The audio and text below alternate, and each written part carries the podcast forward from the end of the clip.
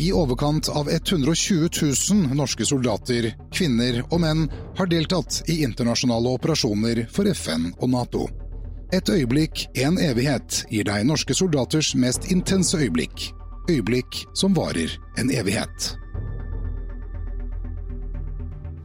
Ja, velkommen til Et øyeblikk en evighet, og eh, en episode som skal tas et godt stykke tilbake i tid, og til en, til en operasjon som, eh, som varte mange år, og som, som, faktisk er den største internasjonale operasjonen som eh, det norske forsvaret noensinne har gjennomført. Vi skal til Tysklandsbrigadene. Og med meg i dag så har jeg, har jeg Magne. Magne Brandborg, velkommen til deg. Takk. Du var i Tysklandsbrigaden i 1950. Ja, jeg var i mm, brigade 502. Hvor gammel var du da? Da var jeg 22. Eh, 22, Så du, det betyr at du har eh, vokst opp altså Ungdomstiden din var jo under okkupasjonen av Nazi-Tyskland i Norge? Ja. Altså, hvordan var det å vokse opp da Nei, det var For vår familie så var det var ikke det noe særlig hyggelig. Så vi har mye dårlige minner fra den tiden. Så det var Nei, jeg vil helst ikke tenke på det engang. Var noen i familien involvert i motstandskampen? Ja, jeg hadde en onkel som var i, i Milorg, og og bare en uke før frigjøringen 8. mai, så ble, var han med i et slipp. Og, og da de skulle vende tilbake etter å ha pakket bort dette, så, så kommer de tilbake til den hytta som de hadde startet i. Der satt tyskerne faktisk og ventet på dem. De var angitt av en angiver. Og det og min onkel han ble omtrent slått halvt fordervet på Victoria terrasse, sånne halvfulle norske gestapister, så det var Det var Nei, det var ikke noe Den tiden var ikke noe hyggelig for oss. Ikke min far heller, for han var sendt til Nord-Norge. Hvordan påvirket det deg, altså, ditt forhold til Forsvaret og militæret? Nei, Forsvaret ble jo var jo veldig efter, Rett etter krigen var jo Forsvaret veldig populært for oss unge. Og da jeg gikk til Foss skole, så var det en brosjyre hvor de anbefalte folk og skoleelever å søke på befalsskolene. Og jeg var usikker på hva jeg skulle begynne med, så jeg søkte og kom inn. Heldigvis, for det var stor søknad. Så jeg var der i Begynte på Ingeniørvåpenets eh, befalsskole og den tekniske linjen, så jeg var det, gikk der da noe over to år. Så du var ferdig i 49. To år på befalsskolen før du ja, ja, så reiste jeg til Tyskland da i, i august i, i, 51, nei, 50. Hvordan var det å komme seg fra Norge, altså fra Oslo til Tyskland den gangen?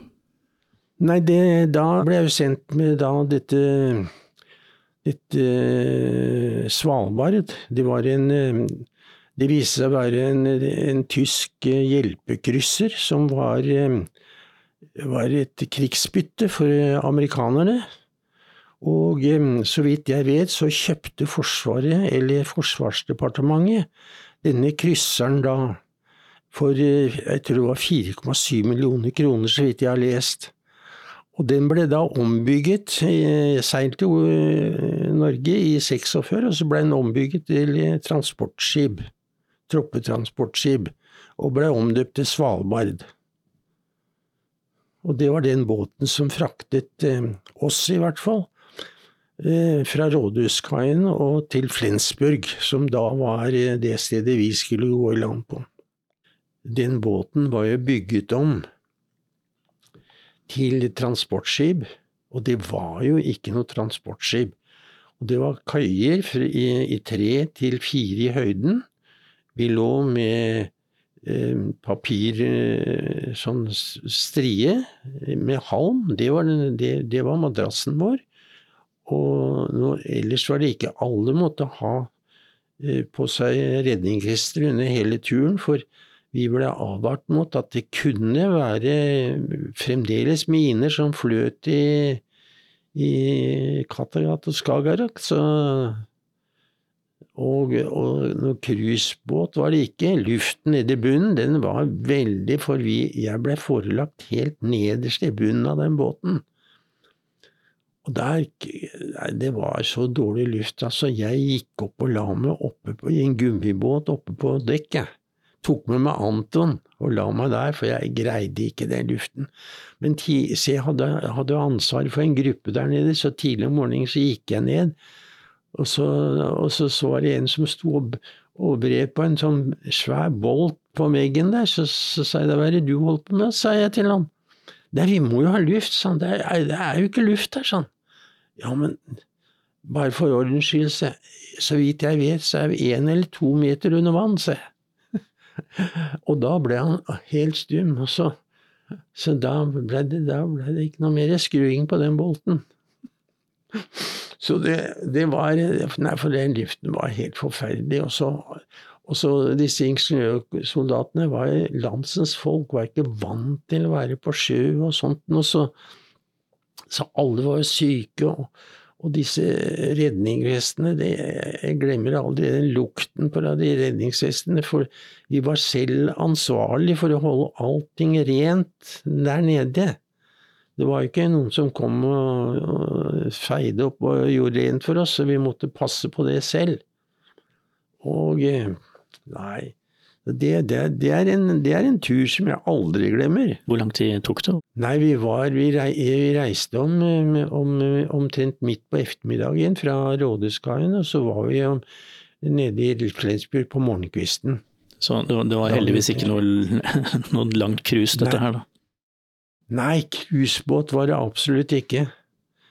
Og så gikk ferden videre sørover fra Flensburg? Jo, fra, fra Frensburg så gikk det med tog til Rensburg, hvor vi var forelagt. For dere var i Slesvig-Holstein, var der uh, ja, brigaden lå den gangen? når den, kom inn? På det, på det tidsrommet så var uh, brigaden flyttet fra Hars og opp til Slesvig-Holstein. Det var i 1948, så vidt jeg vet. For da skiftet uh, operasjonen litt karakter. I de første, den første tiden så var vel dette en ren okkupasjonsstyrke under britene? Ja, eh, den første tiden var vi rene okkupasjonsstyrker eh, som en del av den engelske Rhinarmeen. Men, eh, men, så vidt jeg vet, når de flyttet til, til Slesvig-Holstein, så ble vi en del av Nato-kommandoen. Og, var, og, da ble vi sammen med dansker og engelskmenn, og så var det den norske brigaden, så var hovedtyngden i Schleswig-Holstein. De var da forsvarsstyrken til Schleswig-Holstein. Og uh, for de som ikke har satt seg så mye ned, dette, dette, var jo et ledd i å demme opp mot et eventuelt sovjetisk angrep? Ja, da, begynte, da var vi i begynnelsen på den kalde krigen. og uh, og da var det Holtemann som var, general Holtmann som var leder for den gruppen i Schleswig-Holstein. Hvordan opplevde du eh, landet der, altså å være der? Nei, at Tyskland var jo, var jo helt eh, alt, alt kystbyer og, og eh, industribyer var bombet helt flatt. Så det, det, var ikke bygget opp noe som helst. Så det var et sjokk å komme i land på, i Flensburg og se hvor, hvor bombet og ødelagt det var. Så folk var like fornøyd av krigen der som de vi nordmenn var. De var ikke interessert i noe som helst. Og vi har jo fått beskjed om, eh, gjennom en bok som het eh, Til Tyskland for freden, het den devisen. Og eh, vi skulle oppføre oss korrekt. Eh, det var han Jens Christian Hauge. Han hadde laget en brosjyre om hvordan vi skulle oppføre oss. Og eh, det tror jeg vi gjorde på en meget utmerket måte, for vi, vi kom egentlig veldig godt overens med tyskerne der hvor vi var, i hvert fall. Ja, Fikk du noe inntrykk av hvordan sivilbefolkningen så på dere? Nei, vi, de så på oss eh, mer positivt enn negativt. For fra mitt, bygg, mitt vindu, der hvor jeg eh, hadde bodde i, i den kasernen som jeg var i, så kunne jeg se ned på noe som het en sånn displaced person-leir.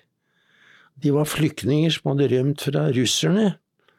Og eh, kommunen i Rensburg, hvor vi var forelagt, de spurte oss rett og slett om vi kunne i, sysselsette en del av disse flyktningene i leiren vår.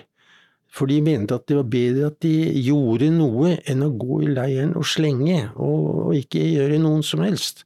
Så vi hadde mange hundre som kom hver dag som vi sysselsatte i leiren. Ren sånn arbeidstjeneste nærmest, da? Ja, det var det. Så, så derfor var leiren, leiren vår var helt strøken. Parkanlegg og alt mulig var perfekt, for vi hadde så mye folk som gjorde alt sammen. Hvordan var boforholdene der? Altså, dere var forlagt til en kaserne, sier du? Ja, de kaserneforholdene, boforholdene for oss, de var, de var, jo helt eksemplariske. Vi hadde aldri bodd sånn hjemme i Norge, bodde vi ikke på langt nær så bra. Men maten var litt fremmed, for det var engelsk kost. Og eh, Ingeniørkompaniet, der var, der var de fleste landsens gutter. Og eh, de greide ikke all doffen og alt det som engelskmenn var, var fornøyd med da, så det endte opp med at vi i hvert fall fikk kjøpt dansk melk. Så vi fikk ordentlig melk om morgenen, i hvert fall. Og det var et, et fremskritt, da. Men alle vente seg jo det, det til dette her etter hvert, så det fungerte bra. Hva var arbeidsoppgavene til, til Ingeniørkompaniet? Nei, altså Ingeniørkompaniet eh, var jo en vernepliktige soldater, og ingen av disse var frivillige. Så de var beordret til, til, vanlig verneplikt, og det var vi da seks måneder i Norge. Og så skulle vi ha seks måneder i Tyskland. Men eh, for oss så ble det syv måneder.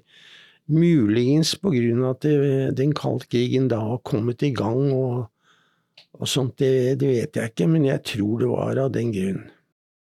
Så det kan være litt sånn vanskelig for, eh, for oss å forstå, fordi eh, de som reiser ut i internasjonale operasjoner i dag, de er jo frivillige alle sammen, mens du sier at dere blei beordra ut. Så dette var en del av verneplikten? Vi, vi ble beordret, og det var de som aldri fant seg helt i rette i Tyskland. De, de var for mye glad i hjemmelandet sitt til å reise noen steder, og de gruet seg veldig egentlig til å komme til Tyskland. Så da vi hadde vår tysklandsperm, eh, som var ti dager, hvor vi kunne reise rundt omkring i hele Europa, så reiste disse som ikke fant seg til rette, de reiste hjem. Og det var såpass ille for enkelte at de måtte hentes tilbake igjen. Det ville ikke gjøre noe særlig bra for hjemlengselen å dra hjem et par uker og så dra ned igjen? Nei. Og eh, det var såpass ille at vi hadde flere som tok, eh, ikke mange så vidt jeg vet, men det var noen som tok livet av seg der i Tyskland, som, ikke, som aldri fant seg til rette, faktisk. Så de måtte jo bare hjelpe, da, rett og slett, det, men det var ikke så greit. Nei, hvordan skulle du hjelpe de, tenkte Nei, altså vi hadde jo, vi hadde jo vi hadde jo eh, veldig mange å kontakte da, som, som, vi kunne hjelpe og sånn, men, eh, men jeg tror ikke de fant seg rett og slett til rette, altså. Du sa at noen av de faktisk tok livet av seg. Var det hvor, hvor, Det må jo ha vært ganske ille da? Ja, det var jo ille, for hvis du ser på Hvis du går på den, den minnemerket vi har her på festningen, så, så, står det der 46 personer som døde under denne perioden, og det er jo relativt mange. Og, det, og krigen var jo slutt, egentlig. Så det var rett og slett sikkerhetsforholdene som var eh, litt annerledes. Og så var det trafikkforholdene. Vi hadde noe som heter Sort brosten. De var beryktet. Og fordi at i sol og regn så avga de fuktighet, så de var omtrent som å kjøre på olje. Og jeg for min del, jeg var satt opp på motorsykkel, så jeg gruet meg veldig for øvelser som vi kjørte om natten i forbindelse med disse sorte brosene. Det var livsfarlig å kjøre på, altså. Og i leiren, det første innblikket jeg fikk når jeg kom til min leir i Kingsway, Kingsway Barracks, der sto det et skilt, og der var en, eh, en eh, motorsykkel. Den var eh, slått litt rød maling over. Og så sto det skilt over, og der sto det 'Vi har begravet ham. Blir du det neste?' Det turte jeg ikke å sende hjem, for jeg var selv satt, og satt opp på motorsykkel. Så det var, det var, litt sånn røft. Det var litt røft, Vi var på en sånn, jeg må nesten nevne det. Eh, vi var jo forelagt i Slesvig-Holstein, og så reiste vi på sånn eh, permisjonstur til Harst for å se hvordan den første brigaden hadde det. Så gikk vi rundt i Harst, da, og da var den norske brigaden lå da eh, til grensen til den russiske sonen. Og der sto det skilt på, sånn, på, på norsk, da. Ikke gå og kjør lenger. Russisk sonegrense. På norsk. det var pussig. Så det liksom Det var eh, Men de var forelagt i Hals til å begynne med, for det var jo veldig likt norske forhold, da. Ja, det ligna på Norge? Ja, det var det de gjorde. Jeg tror det var derfor vi kom dit. Hvor dro du på tysklandslivet din? Jeg reiste til Paris. Jeg syntes det hørtes spennende ut. Så jeg var ti dager i Paris, jeg. Det må ha vært en, en, en bra tur, tross alt, når du var forlagt i Tyskland? Veldig, veldig bra. Og så fikk vi noen reisepapirer fra, fra, fra dette reisebyrået vårt, da, som brigaden hadde. Og der fikk jeg et, en, en, form for pass som jeg kunne passere i, i grensen i uniform. Men noen billett i Tyskland fikk jeg ikke, men jeg fikk fra Tyskland og inn til Paris fikk jeg billett. Og det blei en krangel med han eh, konduktøren eh, på Tyskland, for han sa dette er jo ikke noe billett, sa han, jeg bare viste ham dette passet. Ja, det er de papirene jeg har fått fra reisebyrået vårt, sa jeg. Han bare ristet på hodet og gikk videre. Men hva var oppgaven til, eh, til Ingeniørkompaniet? Altså, hva, hva, gjorde dere? Var dere på øvelser? Var dere ute og jobbet? Vi hadde drev vanlig eh, eh, oppbygging av soldater, ingeniørsoldater. Så det var alle mulige øvelser. Miner, sprengning og, og alt sånt noe som hører med til ingeniørvåpenets arbeider. Men vi var jo med på mange store øvelser. Så det, det var uvant for oss. Kjente du noe på det at uh, den kalde krigen var der, nå var det mye uh, en ny trussel fra øst? Altså, fikk du noe følelse av det? Nei. Det som, vi, det som jeg husker fra disse store øvelsene Vi hadde, vi hadde konkurranser med engelskmennene i ingeniørvåpenet. Og nede i Hamlen så skulle vi annet eh, bygge en, eh, en, eh, en Bailey-bro over elven. Og der skulle den som fikk jeepen først opp på den andre siden, han hadde vunnet. Jeg har ikke enda hørt at nordmenn ikke har vunnet den konkurransen. Så da vi var, kom over med vår jeep, så holdt engelskbåndet på midt i elven omtrent. Ja, kanskje har noe med den norske greia å bli ferdig med ting og komme seg Ja, nei, det, vi, ja vi, vi, vi, jobber på en annen måte. Engelskmann var veldig opptatt av drill, men eh, den engelske drillen drev ikke vi med. Så jeg vet ikke, men, men i hvert fall så vant vi, så det Det har vært nærmere 50 000 norske soldater i tysklandsbrigadene. Det er den største kontingenten vi noen gang har sendt ut. Og du, du har jo vært litt sånn eh, aktiv i eh, veteranmiljøet etterpå. Ja. Eh, var du alltid det? Altså, tenkte du på det med en gang du kom hjem? Nei, altså Nei, det var vel Jeg tror ikke det var noen som tenkte på noen foreninger til å begynne med. For disse foreningene som kom, disse veteranforeningene, de kom på slutten av 80- og begynnelsen av 90-tallet. Og da dukket opp foreninger oppover det ganske land. Så eh, Oslo Altså eh, Tysklandsbrigadens veteranforening for Oslo ble etablert i 23. Mm, januar i 1990. Og det var rundt den tiden der de fleste kom. Så Og i, i vår forening så var det godt og vel 1100 til å begynne med. Og da vi oppløste foreningen nå i år, 24. mai, så var det 26 stykker som var igjen i foreningen. Da var, da var gjennomsnittsalderen 93 år. Eldstemann var 96. Og du har runda 93 nå, så Ja. du er midt på snittet. Ja, jeg er midt, midt på. Litt tilbake til, eh, til tjenesten i Tyskland. Har, husker, har du noe inntrykk av hvordan liksom, den daglige rutinen var? Nei, de hadde fikk opplag, opplegg som vanlig, omtrent som vi skulle vært i Norge, hva vi skulle drive med. Og forholdene, treningsforholdene var jo ypperlige. Så det, vi hadde jo ikke noe så flotte forhold hjemme i hjemmet som vi hadde her. Så, så, så utdannelsen i Tyskland, det tror jeg var helt superb, altså.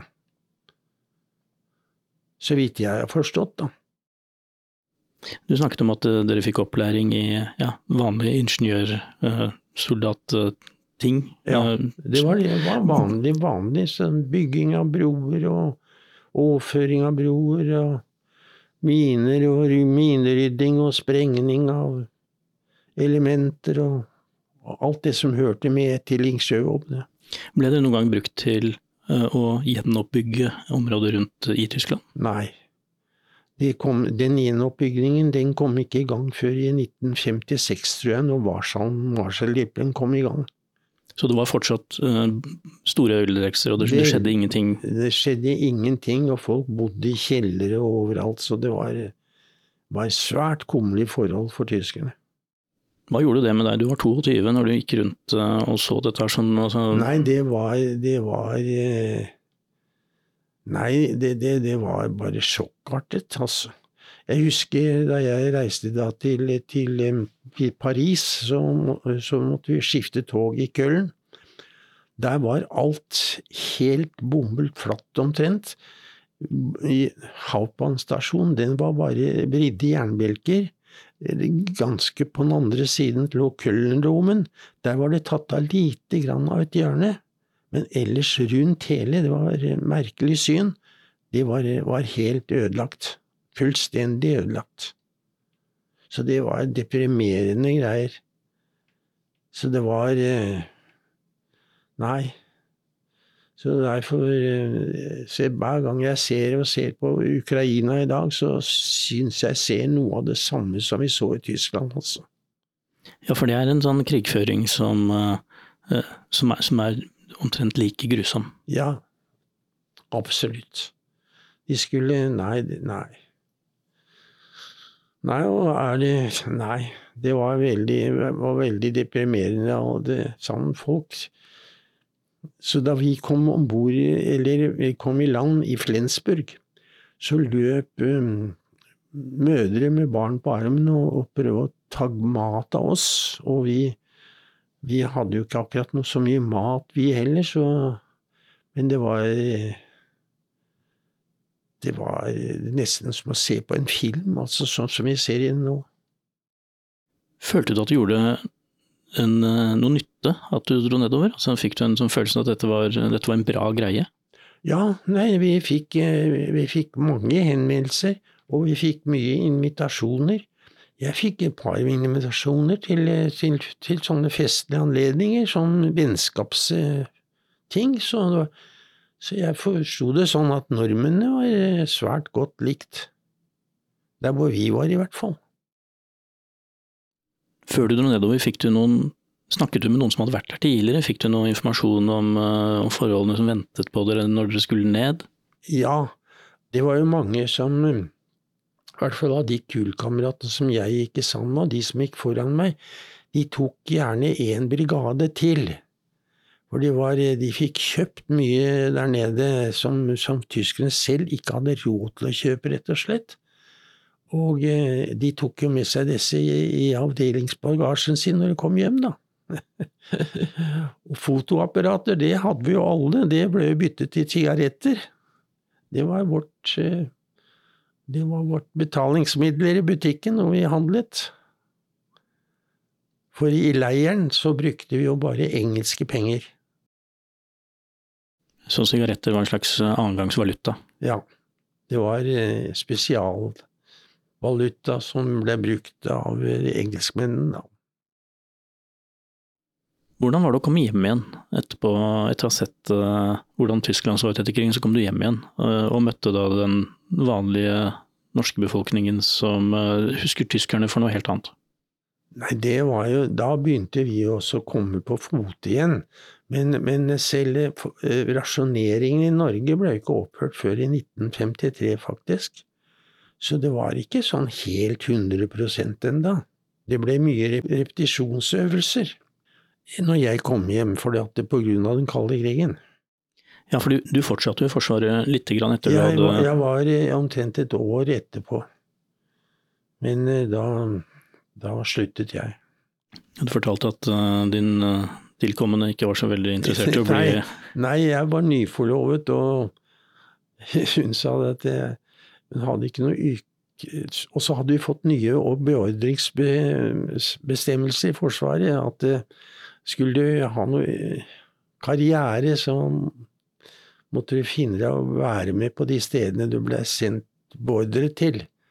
Og min kone var, som hun sa, hun hadde ikke noe ønske om å bli offisersnomade. så dermed så ble det en avslutning der, da. Men det, vi hadde utrolig mange repetisjonsøvler på grunn av den kalde krigen, da. Ja, for det var ganske hyppige treninger eh, oppover på 50-tallet? Ja, det var veldig ofte. Og og ikke helt komplette sånne repetisjonsøvelser, men også det vi Alt troppsbefal og, og kompanibefal kunne ha sånne weekendsamlinger. Hvor vi reiste ut og så på hvor For den gangen hadde vi noe som het krigstjenestekort. Det er jo helt slutt på. Og da visste alle hvor de skulle reise til. Og da besøkte vi alle disse stedene som vi skulle reise til, og så hvordan oppleggene var. Og det var fantastisk eh, vellagret alt sammen, og gjennomført. For da, var de, da var skulle vi møte på forskjellige gårder rundt omkring. Så, og til og med til og med uniformer, skotøy og alt mulig var i korrekt størrelse på den som skulle møte opp. Så den kunne gå rett inn i, inn i, inn i alt det som lå ferdig til ham også alle papir som var nødvendig for å så brukes i, i en eventuell sånn krig, da, eller hva det måtte være, katastrofe. Så lå det til rette, så du kunne rekvirere det som var av biler og bensin og alt mulig sånt. Det var helt du var helt eh, var, noe, var imponert over de, de forberedelsene som var den gangen. Tilbake til eh, din førstegangstjeneste. Du fortalte meg før vi begynte at instruktørene dine for en stor del hadde vært, eller var veteraner som hadde vært ute i annen verdenskrig? Ja. I, i, på befalsskolen så var omtrent 80-90 eh, hadde vært ute under krigen. Så, så de sikkerhetsbestemmelsene og sånt noe, de, de, hadde de tatt med seg der, og det var litt annerledes enn det som var i fred. Så vi ble omtrent hjernevasket over at uh, vi hadde ingen uh, problemer. Vi ville bare få utfordringer. Og dess mer kunnskap vi skaffet oss om det hva vi skulle gjøre, dess bedre løsning ville vi finne. Det ble vi omtrent hjernevasket på i år, noe over to år.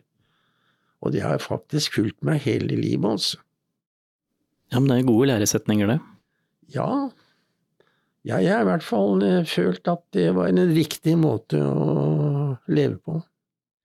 Hvordan var de eh, veteranene? Var de, eh, var de sånne høye, mørke, tøffe, eller var de Nei, det var de faktisk ikke, altså. Det som var det største problemet, var alkohol.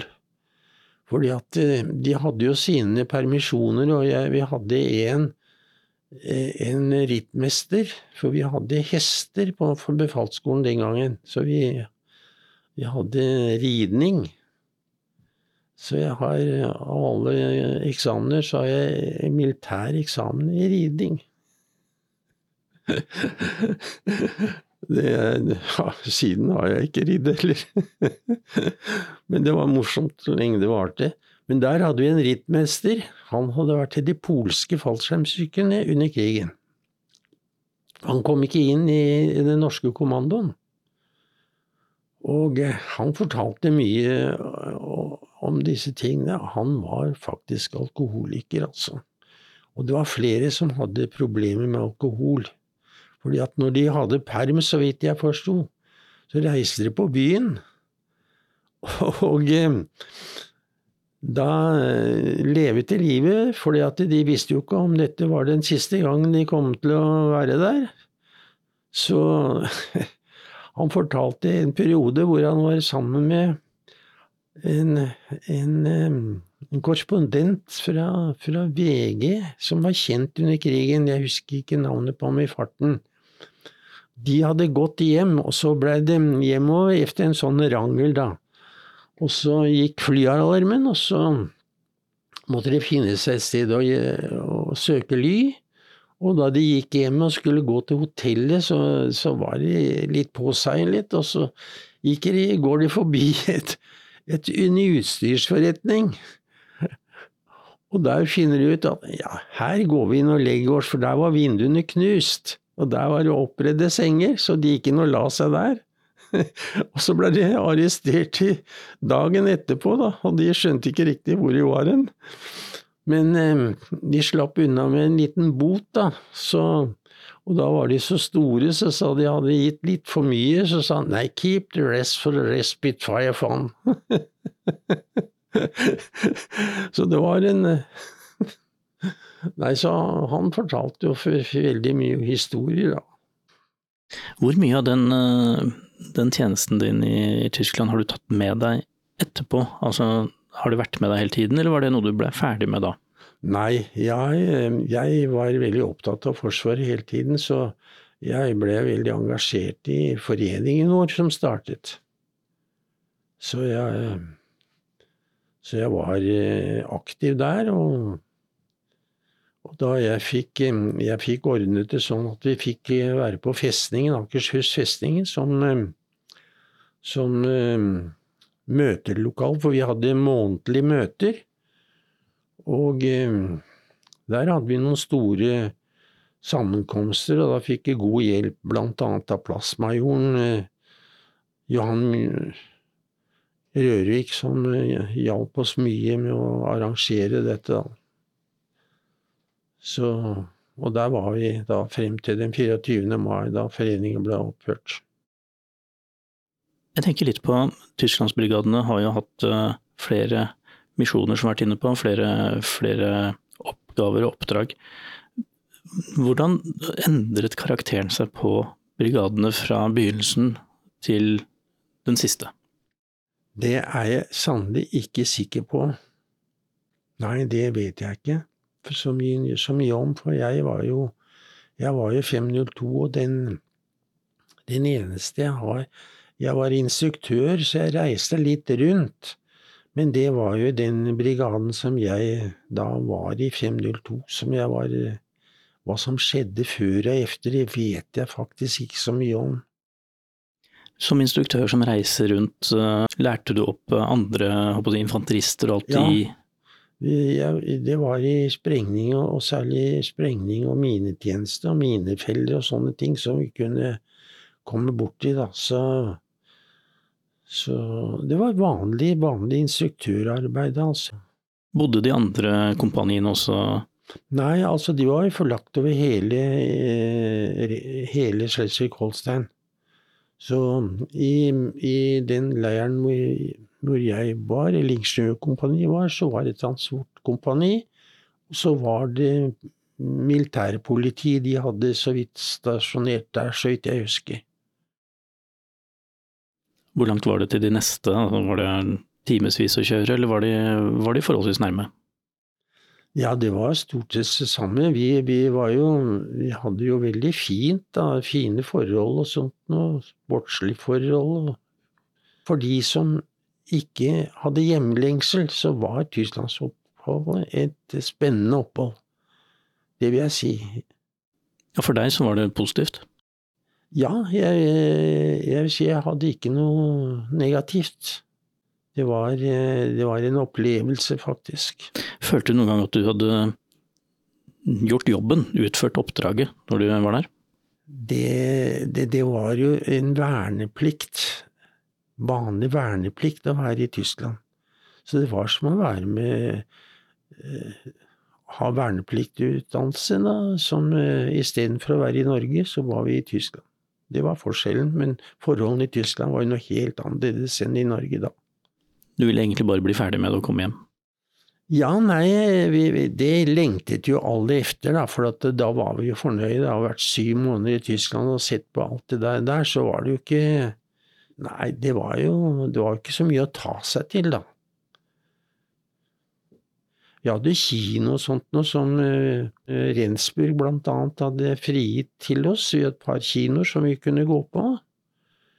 Og så blei vi invitert uh, til noen sånn forskjellige sammenkomster som de hadde da, men de hadde jo ikke så mye å rutte med de heller, så det ble jo ikke noe sånn storeveis, det ble det ikke. Hva var det beste med å komme hjem igjen? Nei, det var uh, Norske er Norge, det vet du. Uansett når du reiser ute, vi har reist mye i de senere årene, så er Nei, borte bra, men hjemme best. Det er i hvert fall ingen tvil om det. Dette er en av mange unike historier om selvoppofrelse og mot fra våre soldater.